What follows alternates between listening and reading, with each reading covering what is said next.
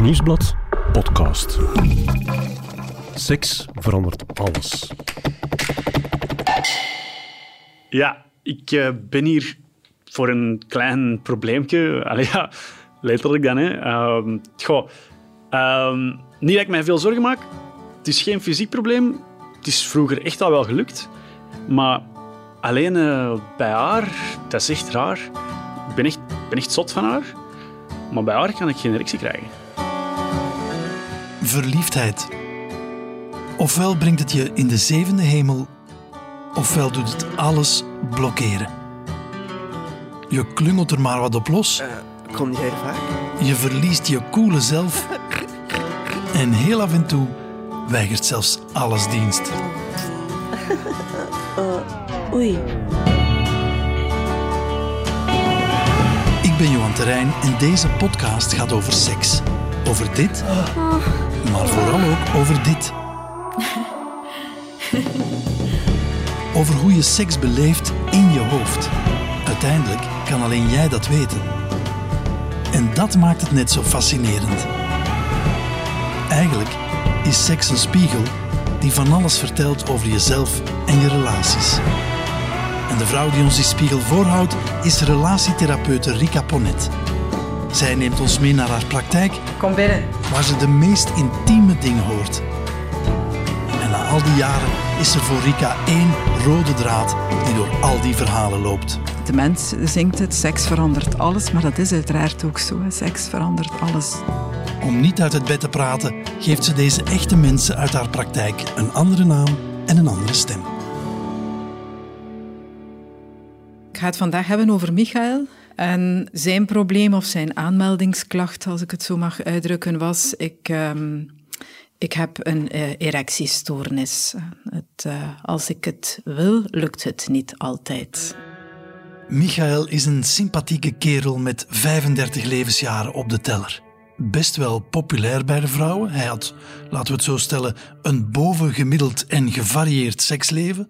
Twee lange relaties ook achter de rug. En nu is hij opnieuw echt verliefd op Julie. En zij is ook zot van hem. De liefde is intens en intiem.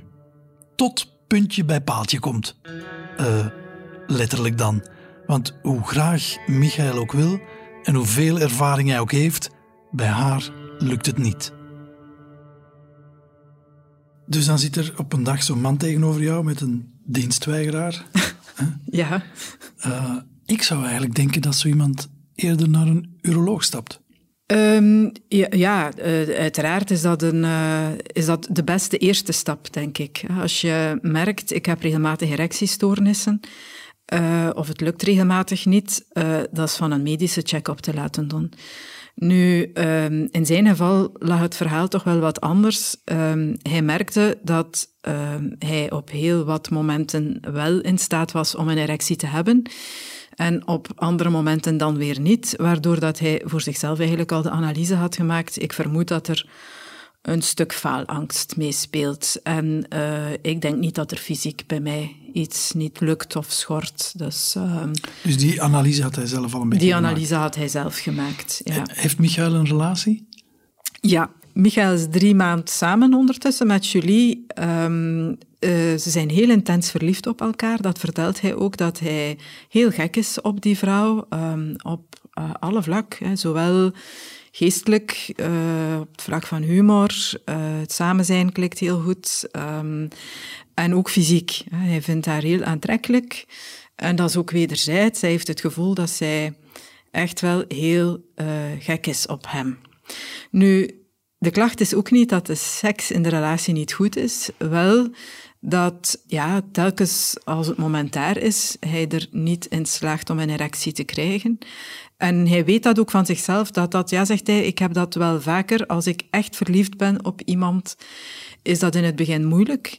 En ik denk dat dat vrij normaal is, gaf hij ook aan. Ik heb dat al eens met andere mannen besproken, of ik heb dat al eens afgetoetst in mijn omgeving.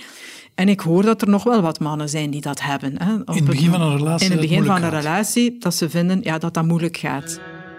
Ja, ik, ik ben toch niet de enige die dat heeft, niet? Allee, ik heb dat al gehoord van maten die dat, dat ook hebben voorgehad toen de eerste keer.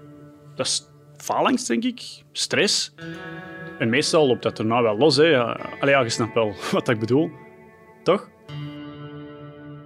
Ja, dus zijn redenering was, ik wil het heel graag met haar. Hè? Ja. En daardoor net Lukt ja, het niet. Lukt het Ja. niet, omdat ik te hard mijn best wil doen. En hij had er een stuk vertrouwen in. Ja, eh, vorige keren is dat dan uiteindelijk wel doorgegroeid naar het lukt wel. Hè. Eh, dus ik denk, zegt hij, dat het eh, wel op termijn zal lukken. Maar ik zou dat toch wel heel graag begrijpen, hè, wat er speelt en of dat ik daar mogelijk iets kan aan doen. Want het blijft toch een moeilijke. Hè. Je, je leert iemand kennen, je bent daar pas mee samen. Ehm, en dat bleek ook naarmate we daarover doorpraten. Het was niet zo luchtig als de wijze waarop hij binnenkwam. Hij was in het verleden toch wel al eens afgewezen geweest. ehm, ook door eh, een vrouw die hij dan, waar hij heel erg verliefd op was. Eh, een eerste nacht die ze dan samen doorgebracht hadden. En het was niet gelukt.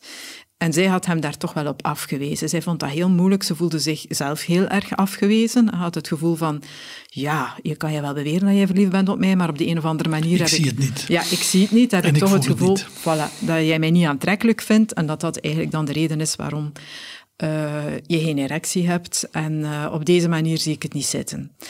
Dat was nu niet het geval, maar eh, Ja. ja. hij wou dat toch verkennen.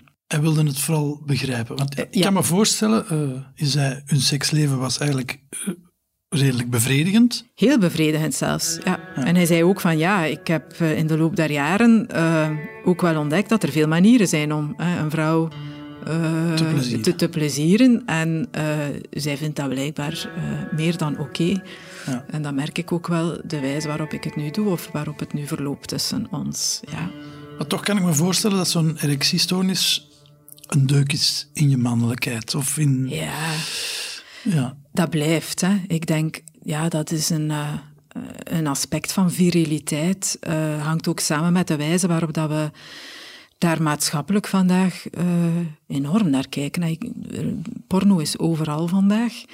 En eh, als er iets is wat daar centraal staat, ja, dan is de erectie van de man. Hè. Dus alles draait daar blijkbaar rond. Eh, altijd, overal. En eh, enorm krachtig. Hè. Dat is zo. En dan ben je een vent. Eh, dus eh, hoe je het ook wegrationaliseert, of relativeert, of bespreekbaar maakt, diep van binnen wil elke man heel graag, denk ik, een, een stevige erectie. Ja, ja kunnen presteren. kunnen presteren. Ja.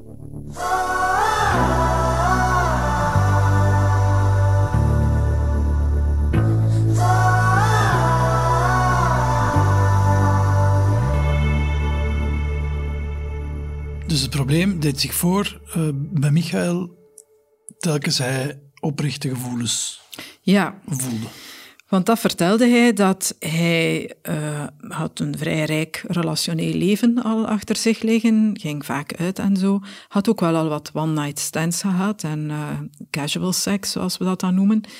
En daar lukt dat dan telkens wel. Dus zegt hij, op het moment eh, dat het er niet toe doet, zegt hij, en hij omschreef dat wel mooi, eigenlijk zijn mannen toch maar wat rotzaken op zo'n moment, zegt hij. Ehm, ja, dan ga je gewoon voor je eigen goesting. Hè. Dus hij had er eigenlijk al een beetje een patroon in ontdekt. Ja, hè? hij had bij zichzelf wel al ontdekt dat, er, eh, ja, dat het dus effectief geen fysiek probleem was, Ja. maar eh, dat er toch mogelijk andere dingen speelden. En hij had daar wel een aantal ideeën rond, maar ja, hij wou, eh, of hij vond het toch interessant om het, om het daar wat op een diepere manier over te hebben.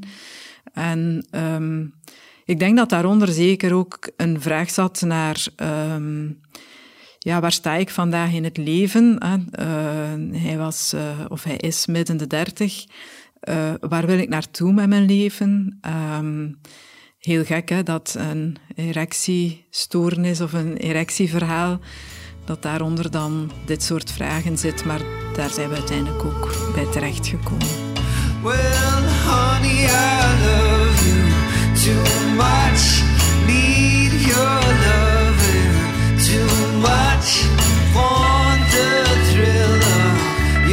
touch.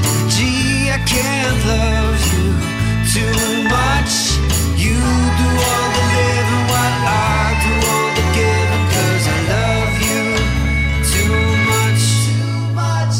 Totaal heb ik dat al vier keer gehad. Dat, dat ik in mezelf verstrengeld zat en dacht, "Eh, wat is hier nu? En ik moet hier presteren en ik wil die seks zo lang mogelijk hebben en zo goed mogelijk. En dan lig je met een bloedmooie vrouw in bed. Je hebt super veel zin, maar je hoofd is even volledig aan het knetteren en, en het lukt niet. hè. Eerlijk, ik heb dat nog nooit gehad. Ik heb dat echt nog nooit gehad. Ehm, nee, als, als ik seks zou willen hebben, was de erectie daar vrij snel altijd. Dus eh, eerder omgekeerd dat, die, dat je denkt van oei, is, is het nu al vandaag? Heb ik, voel ik dat nu al zo? Eh, ik heb dat nog nooit gehad dat niet zou lukken. Ik, eh, nee, absoluut niet. Ja, ik, ik word natuurlijk niet jonger.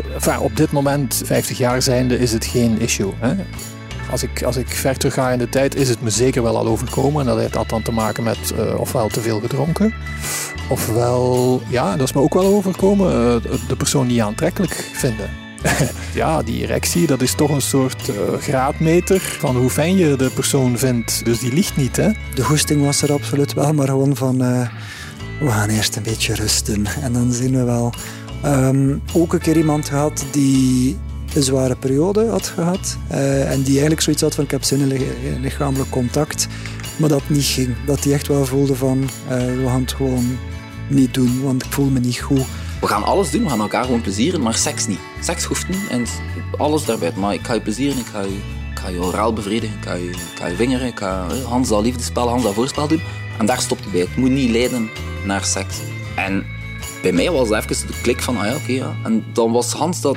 Er zat geen prestatiedrang meer achter. En doordat er geen prestatiedrang meer achter zat, was er ook geen falings meer. En dat was gewoon... Hello boy, you're back. Thank you. Is dat voor zo'n Michael niet een beetje gênant om daar... Ja, je bent een vrouw om daarover te beginnen spreken, over zijn erectieprobleem? Uiteraard zijn mensen vaak gestresseerd als ze de eerste keer binnenkomen. En hij ving dat een stuk op door nogal nonchalant daarover te beginnen. Is dat dan in de zin van, het is allemaal zo erg niet? Het is allemaal zo erg niet en hij marcheert het wel. En, ehm, hij kwam zo wat met, eh, al grappend binnen. Hè. Sommige mensen maken dan zo wat grapjes om voor zichzelf het ijs eh, te breken Ja. of de sfeer wat makkelijker te maken. En dan, eh, je, je ziet dat ook in het lichaam van mensen. Hè. Ze zitten wat gespannen. Er staan bij mij ook twee stoelen, zodanig dat ze kunnen kiezen waar ze willen zitten. En, ehm, en uiteraard ook voor de koppels die komen. Maar eh, je ziet in heel die lichaamstaal dat daar een soort spanning op zit. Een onveiligheid ook. En van zodra mensen dan zitten en dat vertrekt, dan zakken die helemaal. En dan, je, ze kijken vaak naar buiten. Hè. Mijn kantoor geeft uit op een tuin. En dan zie je dat mensen in een flow gaan, in concentratie, ook niet altijd nog het oogcontact houden. Eh, dat is niet omdat ze dat ongemakkelijk vinden, maar dat is omdat ze helemaal in hun beleving gaan. En op dat moment aan hun verhaal beginnen en dan, dan zijn we vertrokken eigenlijk. Ja. Nu, al gauw zijn we wel ook gaan kijken naar vroegere eh, relatieervaringen.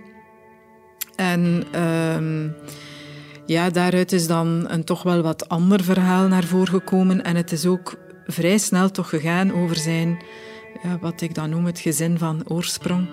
Eh, de relatie die hij had met zijn ouders en eh, vooral heel specifiek dan in dit verhaal met zijn mama. ehm, waar hij een, eh, een hele eh, close band mee gehad heeft eh, tot op vandaag. Maar ehm, ja, een band die toch in zijn leven veel gedefinieerd heeft. En dat dat tot op vandaag toch wel speelt in zijn contact met vrouwen. Dus ik hoor je zeggen eh, dat hij nog niet voldoende afstand ten opzichte van de moederband had kunnen nemen.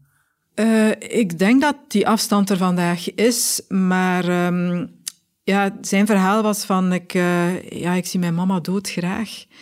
Ehm, maar eh, dat heeft bij mij ook veel in de weg gestaan. Hè. Toen ik jonger was, eh, nogal lang thuis blijven wonen. En zij bleef ook heel hard voor hem zorgen met de was naar huis. Eh, dat soort verhaal, dat klinkt nu allemaal wel vrij normaal, tussen aanhalingstekens.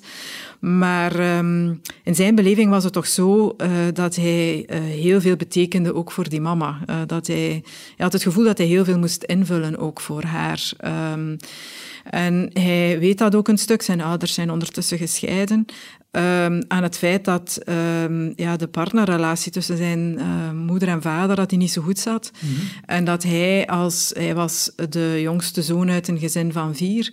En dat hij zo als jongste zoon eh, een stukje die behoeftes bij zijn moeder aan nabijheid, aan ehm, intimiteit, aan affectie, eh, ja, dat hij dat dus een stuk ingevuld heeft. Hè. Een soort symbiotische relatie, dat was het eigenlijk wel. Dus dat zij haar behoefte aan intimiteit, knuffels, weet ik veel, Absoluut, met ja. hem. En hem daardoor ook weinig stimuleerde richting autonomie. Dus ehm, daar waar ze kon, vulde ze eigenlijk alles voor hem in. Hè. Hem heel erg verwennen ook. ehm, eh, heel vaak ook van school thuis houden, eh, dat soort zaken. Ehm, ja, omdat ze eh, het heel erg fijn vond van hem heel dicht bij zich te hebben. En in de jongvolwassenheid zie je dan, hij is dan gaan studeren en zo, dat hij zich daar wel heeft proberen uit los te rukken. Maar zoals ik dat wel vaker ook vaststel, ehm, eigenlijk op eigen benen staan, dat lukt pas echt goed als ouders u ook laten gaan. Hè. En hij heeft dat een beetje op een onnatuurlijke manier toch bewerkstelligd, hè, door ehm, eh, zich daar een stuk uit los te rukken, ook een, zelfs een jaar bijna geen contact met haar te hebben, omdat hij dat nodig had voor zichzelf. En omdat hij ook besefte van dit is nodig Ja, het is niet goed. Ja, op dat, voilà, dat werkt ook niet. hè. Hij had dan ook een vriendin en op de een of andere manier lukte dat dan toch ook niet goed. En ehm, hij is dan ook een heel eind weg van haar eh, gaan wonen. Ehm, helemaal aan de andere kant in Vlaanderen. Echt Eh, fysiek echt afstand fysiek afstand gezocht om, eh, om zichzelf te kunnen zijn.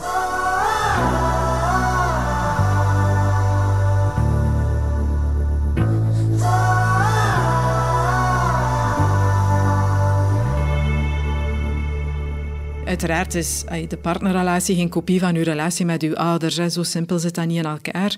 Maar wel ehm, nabijheid, hoe hij dat als kind ervaren heeft. En dat is voor ons allemaal van toepassing. Hè. Eh, hoe we omgaan met intimiteit en hoe we intimiteit in liefde of binnen liefdesrelaties ervaren, hangt heel nauw samen met de eerste ervaringen die we daarmee hebben.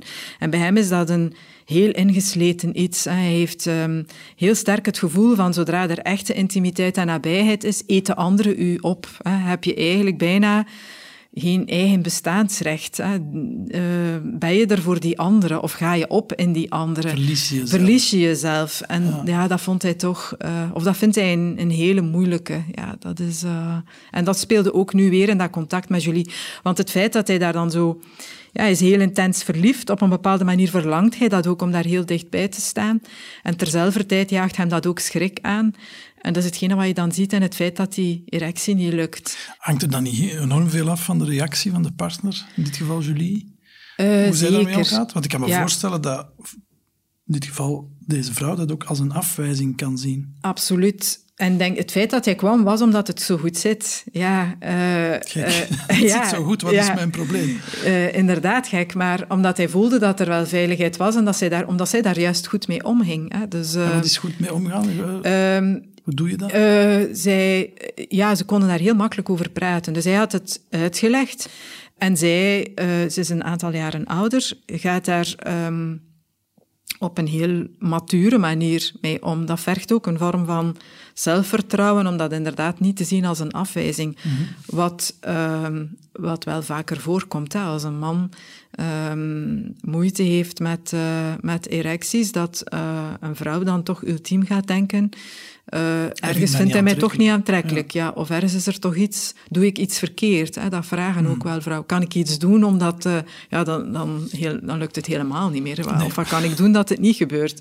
Ehm, dus een ja, beetje geduld is, denk ik een dan. beetje geduld, ja. En eh, zij loste dat ook wel wat op met humor. En anderzijds ehm, bleek ook dat... ja, hij, eh, wat hij heel graag doet, is een vrouw laten genieten. Hè. Dat bleek ook nogal centraal te staan in zijn beleving. Eigenlijk geniet hij het meest van het feit dat, iemand zij anders geniet, dat zij geniet. En ehm, ja, dat had hij toch wel tot een vaardigheid gemaakt, denk ik. En eh, wat ervoor zorgde... Ze had, ja, geen, ze had geen klagen. hè. zat, nee, ja, laat het ons zo uitdrukken, ja. Maar als zij zo goed reageert al hè, Mhm. op, op zijn erectiestoornis en als hun seksleven ook bevredigend is, wat is dan eigenlijk het probleem? ja, hij komt niet tot een orgasme. Ja, als er geen, eh, Ah, nee, ja. ja. dus eh, hij vindt dat heel fijn om de andere te zien genieten. Het is ook een beetje een pleaser. Hè. Ehm, geven in seksualiteit heeft ook altijd een betekenis. Hè. We, we zien dat als, oké, ik laat de andere genieten. Dat is ook een vorm van macht hè, die je ervaart. Ehm, als je dat kan, uh, en je ziet dat ook, hoe de andere in overgave gaat... Uh, ja, dat geeft u een heel speciaal gevoel. Hè. Het laten genieten van de ander is, uh, het is ook iets heel... Um, dat, maakt, dat geeft een gevoel van competentie. Dat was het eigenlijk ook wat bij hem dan wel speelde. Um, maar uiteindelijk ja, wil je dat wel eens samen beleven. Hè? En wil je ook als man wel eens klaarkomen. Hè? Daar gaat het wel over. En, en hij wist ook, of hij weet ook, of vermoedt... Oké, we zijn nu drie maanden verder... Uh, tot op vandaag heeft ze zogezegd geen klagen en lukt dat wel allemaal. Maar er komt toch eens een moment dat je daar een vraag bij stelt. Of dat een vrouw ook eens gewoon zegt, ik wil ook wel eens gewoon gepakt worden, als ik het zo mag zeggen. Ja.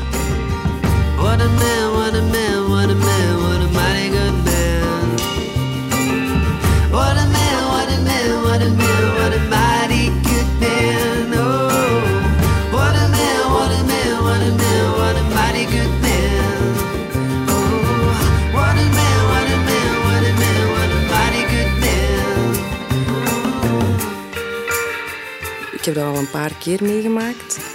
Zelfs iemand die Viagra moest nemen om een erectie te krijgen. En ik heb dat meteen persoonlijk genomen. Telkens opnieuw. Als dat meerdere keren gebeurt... Want alcohol is één ding, maar als het meerdere keren voorkomt... Stel, je hebt een relatie en er zijn erectieproblemen en dat is um, iedere keer... Dan ga je wel ook aan jezelf twijfelen, denk ik. Dan ga je wel denken, wind ik er niet meer op. Um, en dat is sowieso een moeilijk gesprek om te hebben. Ik heb ooit seks gehad met iemand die heel traag een erectie kreeg. Dus hij zei ook tegen mij van, er is maar één meisje waar ik al ooit bij ben klaargekomen. En hij had al seks met veel meisjes gehad. En toen dacht ik wel, oh oh, als het mij hier niet lukt, dan ga ik mij wel heel hard schamen. Zo. Als er geen erectie was of de erectie viel weg, dan was dat sowieso uh, ja, te weten aan, aan, andere factoren. Dan lag daar niet aan mee. Uh, dat was de vermoeidheid of de alcohol mag van geluk spreken, denk ik, dat er nog maar twee of drie keer is voorgevallen in al die jaren. Ik zou het niet meer persoonlijk opnemen. Ik zou ook veel milder zijn naar de ander toe. Het is ook allemaal niet zo belangrijk of dat, dat nu lukt of niet. Ik was echt zo in competitiemode van ik ga dat hier kunnen. Hè. En dat lukte dan maar niet. En het, heeft echt drie keer geduurd voordat het dan gelukt is. En ja, ik was dan heel trots daarna, maar in die drie keer heb ik wel een paar keer gedacht: oh nee, nee. Ben ik niet sexy genoeg of kan ik hem niet genoeg bevredigen? Ben je fan van deze podcast? Weet dan dat het Nieuwsblad nog heel wat andere interessante podcastreeksen maakt. Ik ben Lisbeth van Impe, hoofdredacteur. En elke donderdag maak ik een analyse van de politieke actualiteit in het punt van Van Impe zeker eens luisteren. En dan nu snel terug naar Johan en Rika voor het vervolg van deze aflevering. Een erectiestoornis. Het lijkt zoiets voor, mijn excuses aan de oudere luisteraar, 80-jarige mannen die het vuur langzaamaan voelen uitdoven. Maar het gebeurt dus ook bij jonge mannen in de fleur van hun leven. Er moet niet eens iets mis zijn. Het kan zelfs, oh horror, een simpele twist zijn in ons weerbarstige brein. Gelukkig hebben we onze love hacker Kaatje, die zich elke week weer als een bezetene op de wetenschap der liefde heeft gestort. Kaatje, vertel het ons. Zo'n vlag die half stok hangt, een soldaat die niet paraat staat, zo'n falende fallus, zo'n flauwe fluit, zo'n slapianus, zo'n lulletje rozenwater. Wat moeten we daaraan doen? Zijn er goede tips bij erectionele dips? Wat mij nu wel duidelijk is na rondje googelen, is dat iedere man wel eens zijn erectie verliest bij het vrijen of het masturberen. Maar de cijfers, die lopen wel uiteen. Um, een Nederlands onderzoek bijvoorbeeld gaf 8% van de mannen aan geen erectie te kunnen krijgen of houden die voldoende was om te masturberen of seks te hebben met een ander. Een wereldwijde review onlangs die toonde cijfers tussen 3 en 76%, dus een heel grote range. Volgens medicijnenproducent Pfizer maar die maken natuurlijk het bekende blauwe pilletje, heeft 5% van de Nederlandse mannen tussen 20 en 40 wel eens last van erectieproblemen. Tussen de 40 en de 70 gaat het al om 14%. Geen typische oude mannenkwaal dus, zeggen zij, maar al komen erectiestoornissen vooral door lichamelijke problemen wel vaker voor op latere leeftijd. Bij jonge mannen is de oorzaak vaak psychisch, meestal het gevolg van stress, faalangst of nervositeit. Recent bleek nu uit onderzoek aan de Universiteit Antwerpen dat ook problematisch gebruik van porno kan meespelen. Uh, in het feit dat jonge mannen erectieproblemen ervaren tijdens partnercontact. Maar no worries als je af en toe eens naar porno kijkt. Het gaat echt al om mannen die niet kunnen masturberen zonder porno of sociale activiteiten gaan afzeggen om te kijken. Wat misschien nog goed is om te weten, is dat een beetje phalanx volkomen normaal is als het aankomt op verliefdheid en seks. Blijkbaar is het zo dat het stofje dat vrijkomt in onze hersenen als we iemand leuk vinden ook zorgt voor de productie van extra adrenaline. Het hormoon dat we aanmaken als we stress hebben of bedreigd worden en ons lichaam zich klaarmaakt om te vechten of te vluchten. In het geval van de liefde zadelt dat ons op met knikkende knieën, wat gestotter en gestamel en af en toe een falende piemel. Niets om je zorgen over te maken dus.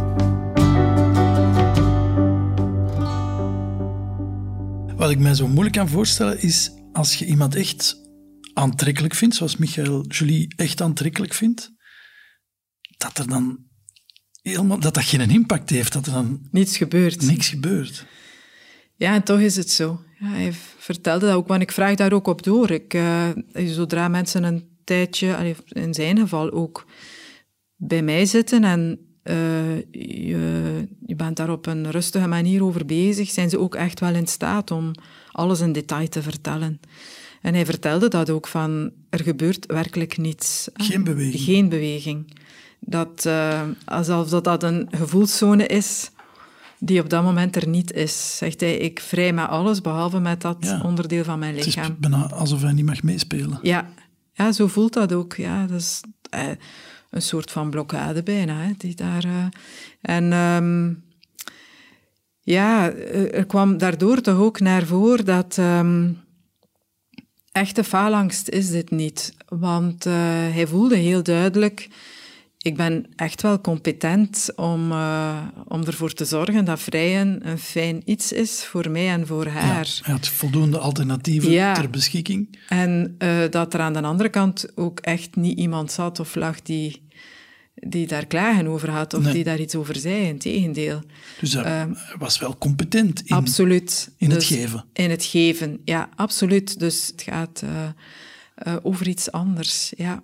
En dat andere ding is dan bindingsangst eigenlijk. Ja, dat is natuurlijk ook weer zo... Zo'n de- containerterm. de- Ja, zo'n dooddoener bijna.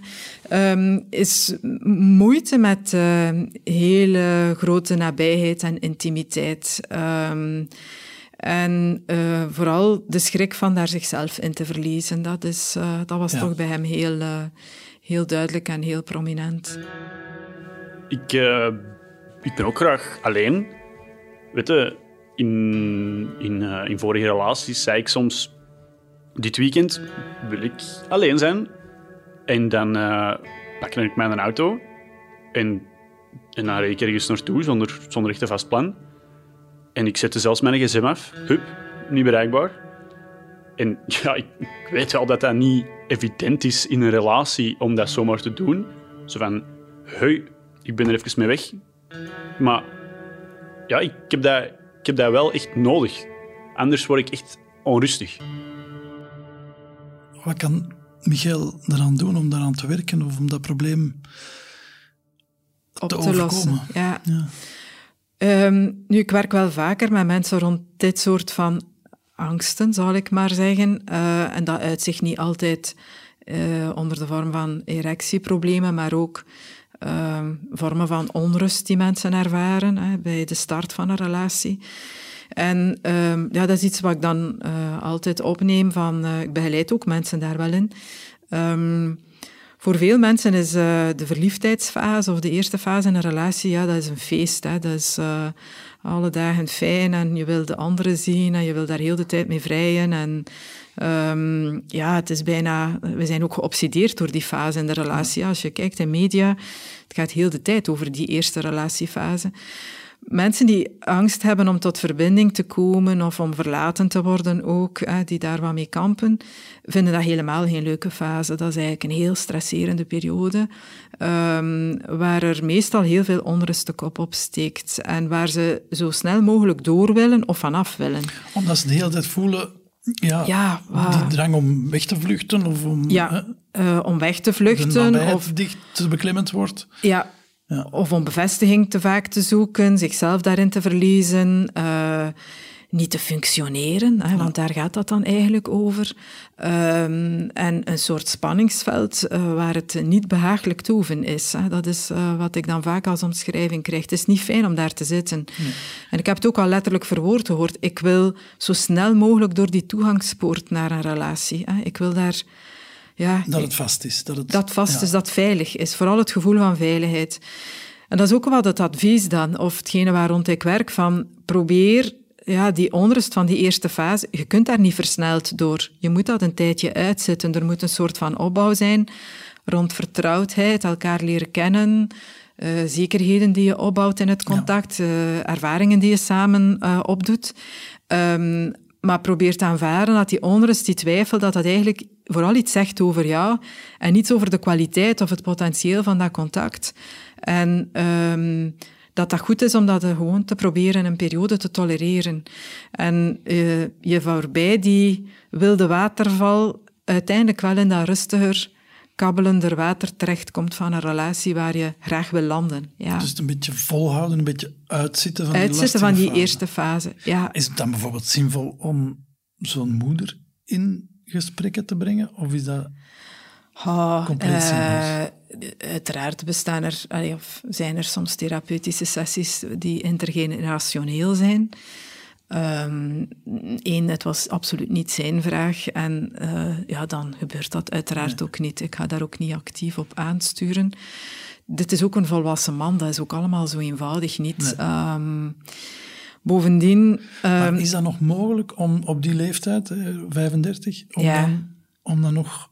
Ja, Te herschrijven. spoor dat helemaal hè, in, Ja. in uw hele wezen getrokken is, om dat nog te veranderen?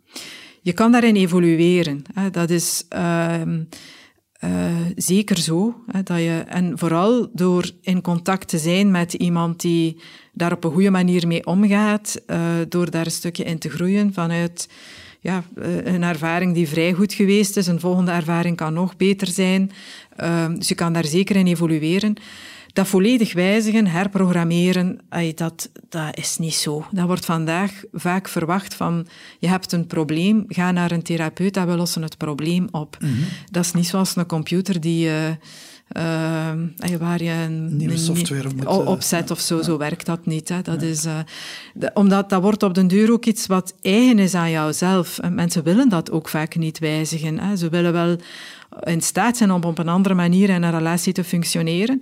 Maar bepaalde delen van eh, wat dat met zich meebrengt, wil die man ook niet opgeven. Bijvoorbeeld dat freelancers bestaan. Hij gaf dat aan, ik vind dat fantastisch, zegt hij. Ik heb al zoveel dingen in mijn leven gedaan. Andere mensen zie ik bezig in zo'n jobbeke.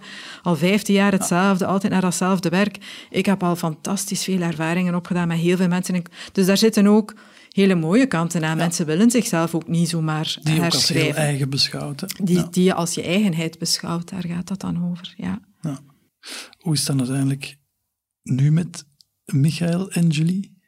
Ja, het is, eh, ze hebben het uitgemaakt. Eh, hij eh, heeft het uitgemaakt. Ja, is er toch uitgestapt. Ondanks het feit dat hij haar heel graag zag en ziet, zegt hij. Ja.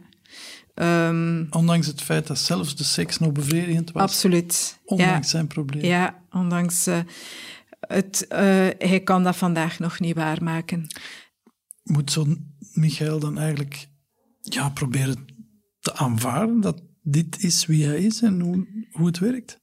Hij aanvaardt dat vandaag al voor een groot stuk zo. Ehm, en ik denk dat dat door de gesprekken die we gehad hebben eh, nog meer van toepassing is. Eh, goed wetende, ik kom daar vandaan. Ehm, dat is mijn emotionele geschiedenis. Ehm, ook heel dat verhaal met die mama, eh, die hij tot op vandaag heel graag ziet en waar hij een hele close band nog altijd mee heeft, maar eh, waar hij fysiek heel duidelijk en in de tijd heel duidelijk afstand probeert van te houden. Zo.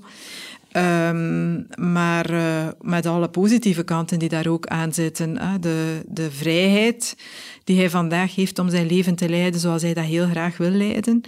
Ehm, maar dat brengt anderzijds ook vormen van eenzaamheid met zich mee, ehm, die zeker ook lijden zijn. Eh, en ja, op een bepaalde manier aanvaardt hij dat wel. En ik vermoed, ja, zal hij opnieuw zoeken naar eh, korte periodes van intense intimiteit die hij afwisselt met periodes van alleen zijn.